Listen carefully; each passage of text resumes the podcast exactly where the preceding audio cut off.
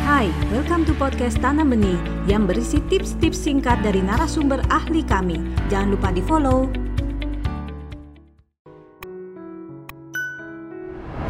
Ada jenis-jenis intervensi atau penanganan untuk anak-anak dengan autism yang memang memfokuskan pada orang tuanya. Jadi bukan hanya menterapi anaknya, tapi orang tuanya di-equip, dipinterin supaya orang tua ini ngerti gimana menghadapi anaknya. Nah, salah satu contohnya, salah satu tips ya, yang sebenarnya juga bisa diterapkan untuk anak-anak yang tidak mengalami autism adalah slowing down.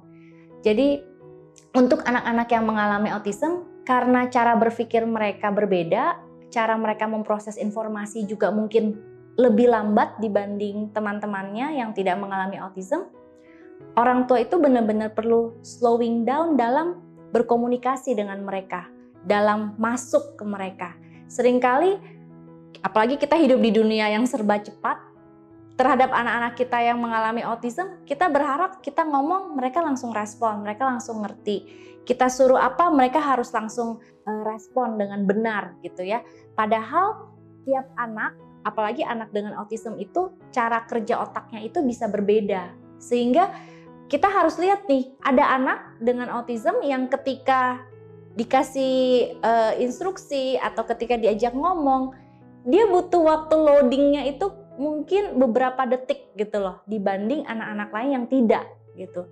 Sehingga uh, ketika kita slowing down, ketika kita memperlambat tempo kita ke level anak itu ya, anak itu nanti akan berespon lebih oke, okay, lebih positif dan dia dalam menerima materi atau input yang kita berikan dari luar itu dia juga akan lebih maksimal gitu. Prakteknya ya prakteknya misalnya yang tadi misalnya saya panggil uh, Ami gitu misalnya.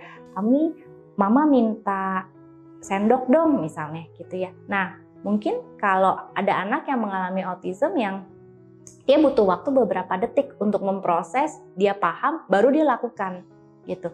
Tapi uh, kalau orang tua nggak slowing down, nggak nggak sabar gitu ya, harus saat itu juga gitu loh. Kalau nggak ditegur lah anaknya atau orang tua jadi ngerasa, aduh anak gue ber bermasalah banget seperti itu. Ini salah satu contoh saja.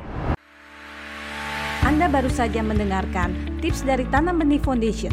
Mari bersama-sama kita terus belajar untuk menjadi orang tua yang lebih baik demi generasi yang lebih baik. Jangan lupa follow podcast kami